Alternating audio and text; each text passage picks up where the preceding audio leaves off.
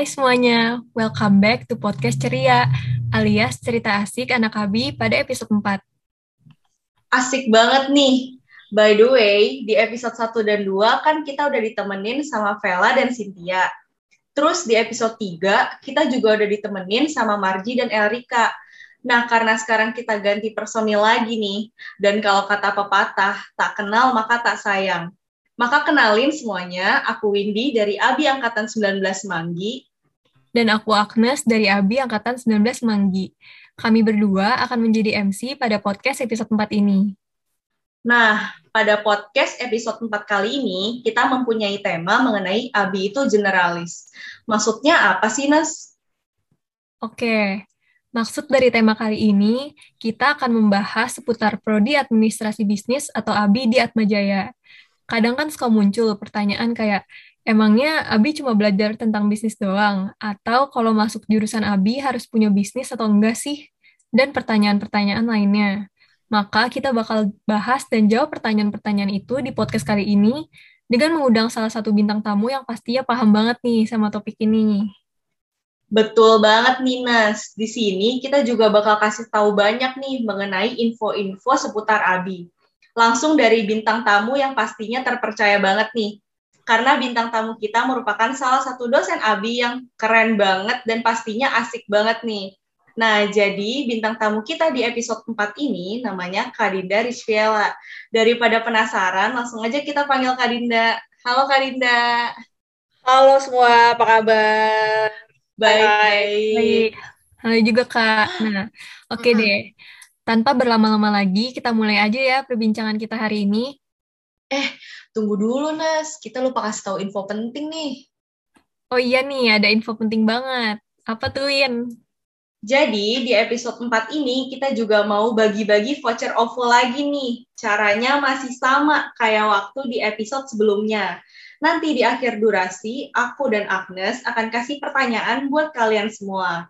Nah, nanti kalian tinggal jawab pertanyaannya dan kita akan pilih satu orang dengan jawaban paling menarik. Pertanyaannya akan ada di Google Form dan linknya, linknya akan di-share melalui Instagram at himabi underscore UAJ dan at bisnis UAJ. Jangan lupa ikutan ya guys, lumayan banget loh dapat OVO. Iya, jangan lupa ikutan ya teman-teman. Oke deh, langsung aja kita ngobrol dan tanya-tanya ke Kak Dinda. Nah, untuk lebih spesifiknya, Kak Dinda itu merupakan dosen mata kuliah hukum bisnis dan manajemen tempat kerja di kampus Manggi. Saat ini, Kak Dinda sudah menempuh S1 Hukum di Universitas Atmajaya dan S2 Bisnis di Universitas Trisakti. Terus dengar-dengar Kak Dinda sekarang lagi S3 nih. Kalau, boleh tahu, S3 di mana, Kak? Terus ambil jurusan apa? Oke, okay. aku sebenarnya nggak ambil S3, jadi ngambil program master lagi, tapi uh, di Quantic Business of Technology di Washington. Ini aku ambilnya sama si Business and Technology sebenarnya. Jadi uh, eh, S2-nya ya semoga dapat gelarnya dua ya. S3 kayaknya belum siap deh. Wah, tapi udah keren banget nih ya Kak, mau ngambil master lagi nih ya. Hmm, nah, ya, apalagi nih wah Kak Dinda aja masih muda tapi kayak udah mikirin nih mau ngambil master lagi nah kita nih sebagai pendengar-pendengar podcast ini nih ya harus ikutin banget nih jejaknya Kak Dinda nih ya sebagai generasi muda harus terus mencari ilmu bener gak nih Kak? Ya uh, ilmu sebenarnya banyak ya kalian tuh sebenarnya enak banget di zaman kalian tuh platformnya udah banyak, ada digital, mau cari buku itu banyak. Nah, awal-awal dulu aku S1 tuh masih terbatas banget. Nah, mungkin karena sekarang eranya lebih agak mudah dan dipermudah ya, artinya kalian mau belajar secara uh, lingkup nasional ataupun inter, ya aku coba nih. Jadi uh, ya mumpung aku juga masih punya apa ya daya dan semangat kali ya. Jadinya udah deh aku coba apply beasiswa ini sebenarnya di kuant ini. Sebenarnya iseng gitu. Oh saya tertarik deh. Ke depan dunia teknologi ini perlu di apa ya perlu diperdalam. Tapi uh, karena latar belakangku bukan orang IT so aku ambilnya bisnisnya gitu nah makanya bukan kebetulan aku kan juga ngajar di administrasi bisnis uh, ABI ya jadi ada kaitannya cuma ke depan karena aku tertarik SO teknologinya aku pengen tahu aja sih gitu so ya buat teman-teman yang punya ketertarikan khusus nih terhadap dunia masa depan nih apa sih gitu. Nah, buat aku sih uh, kayaknya boleh lah kalian cari-cari lah gitu. Jadi nggak terbatas. Oh, aku udah belajar apa? Udah belajar soal administrasi bisnis atau wirausaha, udah sebatas itu doang. Jadi menurutku bisa diperlebar. Itu sih teman-teman. Iya sih kak. Sebenarnya banyak banget ya kak Setuju juga hmm. sih kita sebagai generasi muda emang harus menempuh pendidikan setinggi-tingginya ya kak. Hmm. iya kak. Kan sekarang kakak juga berperan sebagai salah satu dosen ABI nih. Menurut ya. pandangan Kak Dinda, ABI itu seperti apa sih? Gambarannya gimana? Terus ABI itu hanya mempelajari seputar bisnis saja atau gimana? Oke, sebenarnya kalau ngomongin ABI itu kan uh, administrasi bisnis ya. Uh, sebenarnya kan mengelola bisnis perusahaan ya. Nah, cuma kaitan terkait soal bisnis itu kan banyak banget komponennya dalam satu lingkaran baik itu bisnis atau usaha ya buat aku sih sebenarnya nggak terbatas pada pemahaman sempit itu bahwa kata bisnis harus tertuju pada kegiatan yang berbau wirausaha. Uh, kalian kan juga belajar banyak ya belajar analisa analisa biaya pemasaran terus aku juga lihat ada e-commerce juga nah plus kalian juga belajar soal organisasi kan yang mana uh, ada mata kuliah soal sumber daya manusia tuh SDM di aku juga ada mata kuliah soal manajemen lingkungan kerja kan. Jadi buat aku uh, dengan segala keluasan itu dan kalian bisa memilih banyaknya peminatan, bahkan peminatan di kalian tuh ada berapa? Ada empat ya kalau nggak salah. Ada wirausaha, terus strategi bisnis nasional, terus apa? Peminatan modal manusia dan organisasi. Jadi luas banget. Nah, kalian tuh banyak banget bisa belajar banyak hal mata kuliah pilihan aja udah ada gak cuma bahasa Inggris tapi ada bahasa Prancis Mandarin bisnisnya sendiri ada bisnis kreatif keluarga terus macam-macam tuh budaya organisasi juga nah buat aku yang mana kayak budaya organisasi dan mata kuliah hubungan karyawan yang biasanya notabene jadi mata kuliah pokok Fakultas Ekonomi Manajemen atau SDM, bahkan psikologi PIO, nah di kalian dapatkan.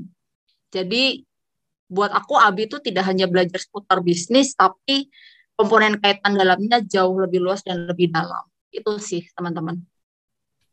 Iya tuh kak, ternyata di ABI luas banget. Aku tuh awalnya juga masuk di ABI, aku mikirnya kayak, wah belajarnya tentang bisnis doang nih.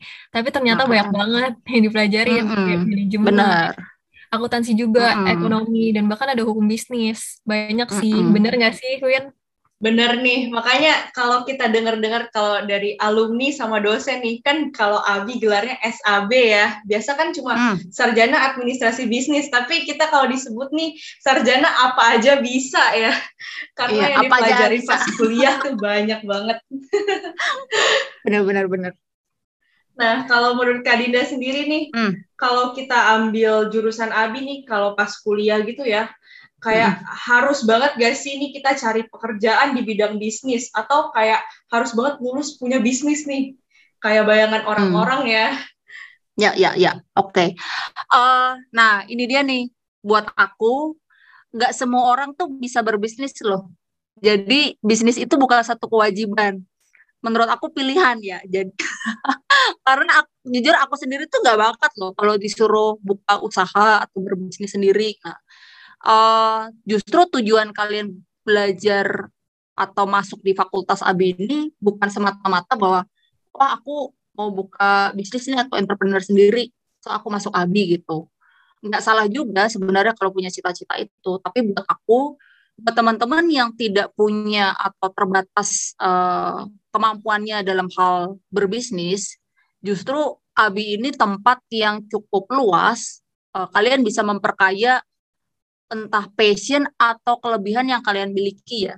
Uh, so bukan semata-mata bahwa lulusan ABI harus berbuka bisnis tuh enggak. Makanya tadi aku bilang karena kalian lingkup belajarnya itu banyak, kalian tahu nih, oh aku belajar soal SDM, organisasi, uh, kaitannya apa sih? Apakah aku bisa di sebagai orang HR bisa juga gitu. Oh, aku juga belajar soal hukum bisnis nih. Apakah aku harus buka bisnis? Enggak juga. Justru kalian masuk di corporate, kalian kerja sebagai employee, kalian tahu kan sisi-sisi uh, legalnya, terus dari sisi korporasi ini ada apa aja sih? Bagaimana lingkungan kerjanya? Uh, lingkungan kerja yang adaptif dan enak tuh kayak apa sih nah dari situ sih buat aku bisnis itu pilihan bukan satu kewajiban apalagi kalian punya cita-cita masuk ABI hanya sekedar diarahkan untuk berbisnis itu enggak gitu guys oh iya bener banget nih katanya Kak Dinda. Makanya di ABI tuh ternyata banyak banget potensi yang bisa kita gali. Ternyata bukan ternyata kita awalnya mau masuk ABI bisnis eh ternyata kita punya kelebihan lain ternyata di bidang yang lain juga gitu. Betul sama banget. nih kayak aku sama Agnes juga kita ngambil peminatannya tuh human capital. Jadi kita tuh okay. ternyata bukan cuma tentang bisnis aja ya tapi banyak ilmu lain yang sesuai keinginan kita nih yang bisa kita dapetin di Abi bener gak sih Nes hmm. nih bener banget nah saat ini kakak juga ngajar nggak sih kak di jurusan lain atau mungkin universitas lain Oke, okay. uh, eh, aku ajar ini juga sih sebenarnya di UMN ya, uh, Universitas Multimedia Nusantara, tapi di komunikasinya, cuma nggak sebagai dosen tetap ya, karena kan UMN masih satu bagian dari korporasiku tuh. Jadi lebih kayak uh, ya mirip kali ya as uh, support atau jadi asdos seperti itu sih. Jadi nggak benar-benar incas 100%, ya ada tandem juga sama dosen lain gitu. Uh, nah, menurut pendapat kakak, kira-kira ada nggak sih kak nilai atau keunggulan yang diberikan Prodi Abi di Atma Jaya? Oke, nilai keunggulannya ya. Nah, kalian tuh beruntung sebenarnya di Atma Jaya itu menjadi sorotan kampus yang dicari di perusahaan. Jadi kalau aku aku kan kebetulan di luar juga kerja profesional juga ya. Jadi kampus swasta yang jadi sorotan perusahaan itu salah satunya Unika Atma. Nah, kalau Abi karena aku percaya uh, ruang lingkup kalian belajar banyak, jadi korporasi ini nggak dari orang dengan spesifikasi oh cuma bisa ini nih yang dipelajari gitu. Nah, uh, Abi ini jadi salah satu top of mind, maybe five tops yang dicari kaum corporate ya. Nah, buat kalian uh, ya beruntunglah lah masuk Abi di Unika. Setidaknya itu sudah jadi privilege kalian. Kan kalau anak zaman sekarang privilege jadi di gadang-gadang ya kemarin ya kalau nggak salah. gitu guys. Wah keren ya kak bulannya nggak nyesel hmm. nih masuk di Abi ya kan Win? Bener nih, hmm. ternyata bersyukur banget nih ya kita bisa gabung nih di jurusan Abi Atma Jaya nih. Hmm. Nah, kalau menurut Kak Dinda nih sebagai dosen, Kak Dinda kan pasti sering nih ngamatin mahasiswa-mahasiswa nih ya di Abi nih. Nah, hmm. kalau Kak Dinda sendiri nih selama mengajar, pengennya yep. nih mahasiswa Abi nih jadi seperti apa sih masa depannya? Atau kayak Kak Dinda ada hmm. ekspektasi khusus gak nih buat mahasiswa ABI baik saat mereka masih kuliah atau nanti pas hmm. mereka udah lulus dan kerja nanti? Oke, okay. nah aku mungkin sharing sedikit kali ya. Jadi banyak teman-teman mahasiswa itu kadang-kadang masih mencari-cari aku nih ke, nanti tuh pengen jadi apa sih gitu. Terus uh, kalian kayak masih uh, sibuk apa sih yang aku senengin, apa sih yang uh, passion aku kayak gitu. Nah buat aku jangan terlalu sibuk dengan mencari apa yang kalian sukai, apa yang kalian uh, ragu gitu ya. Berapa nih, kok kayaknya persaingannya kenceng banget. Bahkan kalian magang aja udah pakai sistem seleksi kan. Beda banget tuh sama zamanku tuh sistem magang kalian mau intern di satu perusahaan dulu tuh nggak pakai seleksi apa-apa gitu ya udah apply nggak ada tuh wawancara dan segala rupa kalau sekarang kan kalian ada tahapan itu ya, apalagi ada program kampus merdeka juga.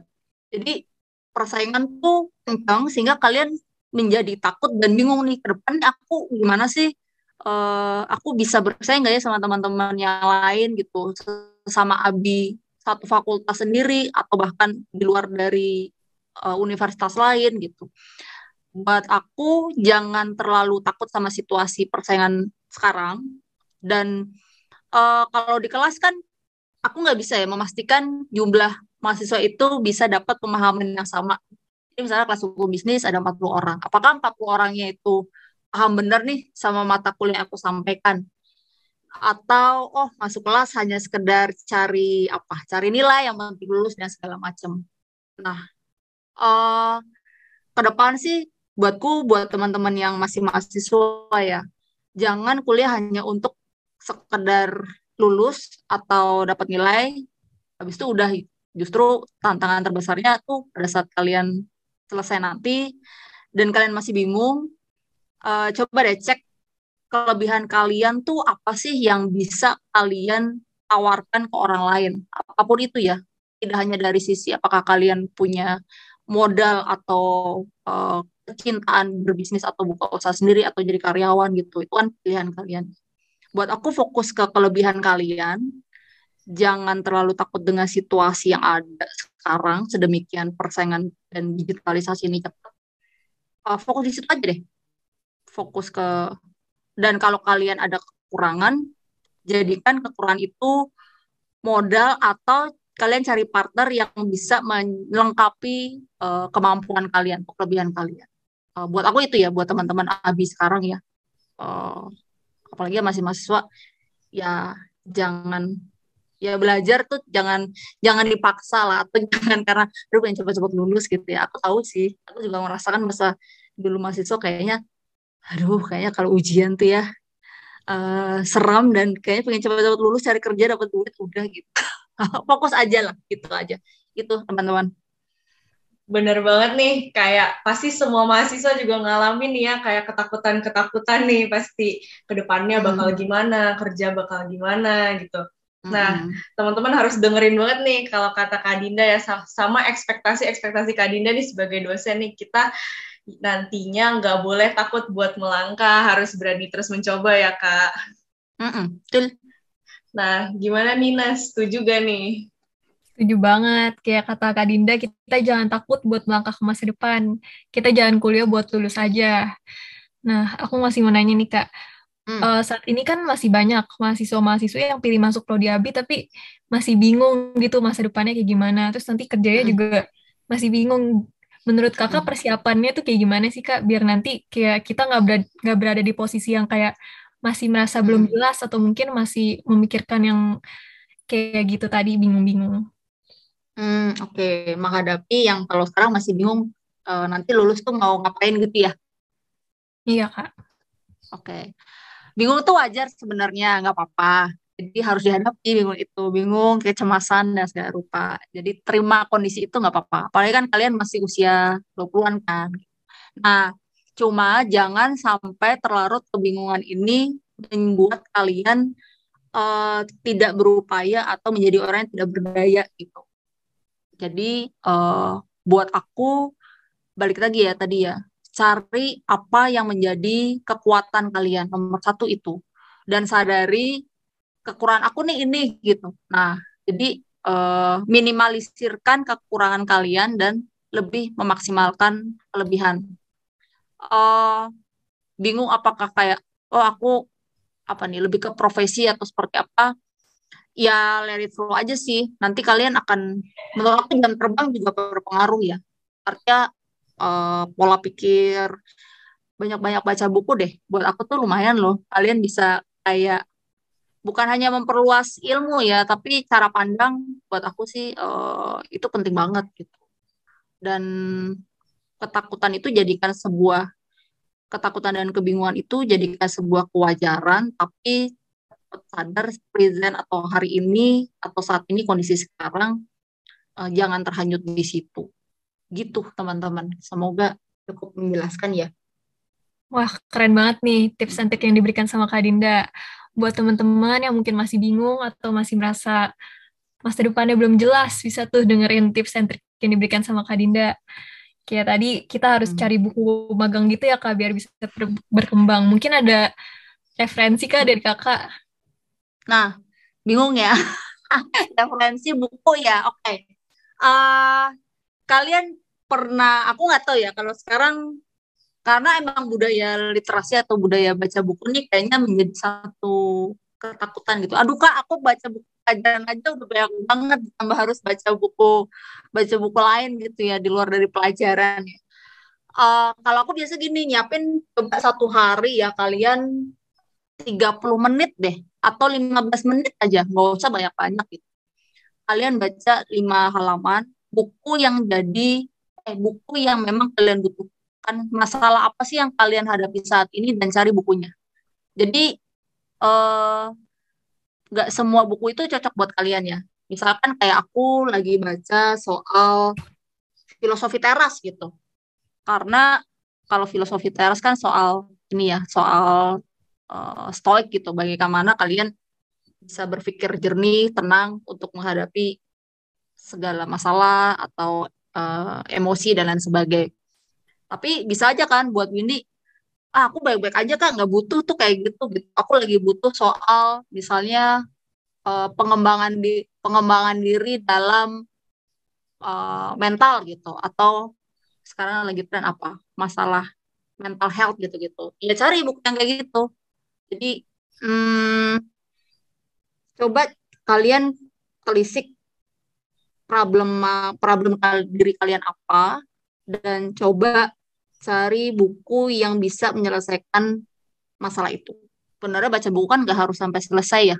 Kalau misalnya di tengah-tengah kalian rasa, oh aku udah menemukan jawabannya nih di tengah-tengah buku, gitu. bahkan di awal gak harus sampai selesai, itu kalian tuh udah baca buku sebenarnya.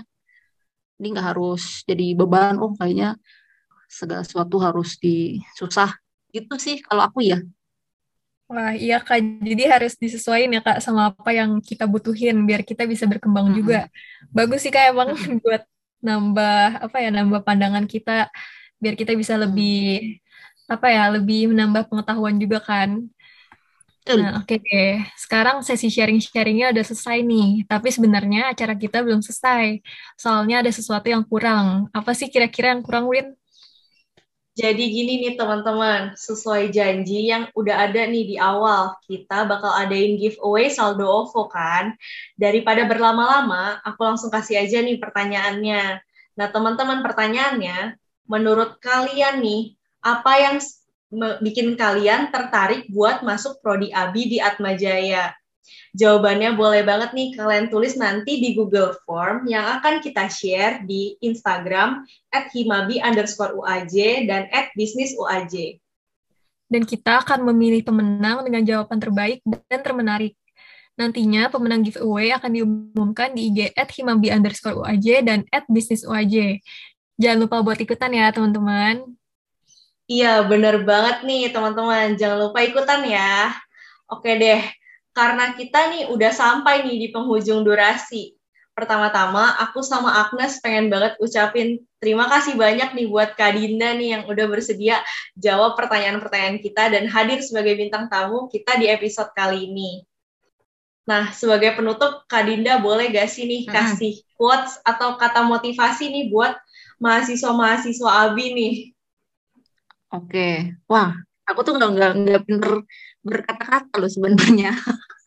uh, quotes ya, wow, quotes kayak ini nih. Uh, sebentar, sebentar. Nah, mungkin ini kali aku atau ini quotes atau apa ya? Buat aku uh, trust the process sih. Mungkin aku bisa jelasin ya. Uh, ini kata-kata yang suka aku pegang ya. Trust the process itu percaya sama prosesnya. Proses itu sebenarnya dua kan. Ada proses cepat sama proses yang cukup membutuhkan waktu atau proses yang lama lah ya karena kalian sekarang berada di era digital yang mana segala prosesnya cepat, kalian tuh secara tidak mungkin secara tidak sadar ya, itu kayak dipacu berlomba-lomba siapa duluan nih.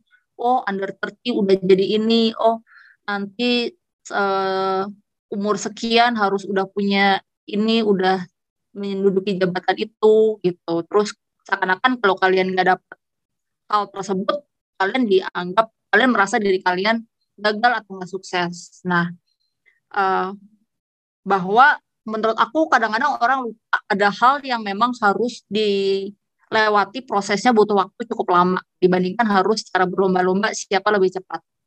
Jadi uh, nikmati proses itu sebagai ha memang hasil yang udah kalian tuju gitu. Jadi jangan uh, berlari untuk oh aku tujuannya ini atau goalnya ini.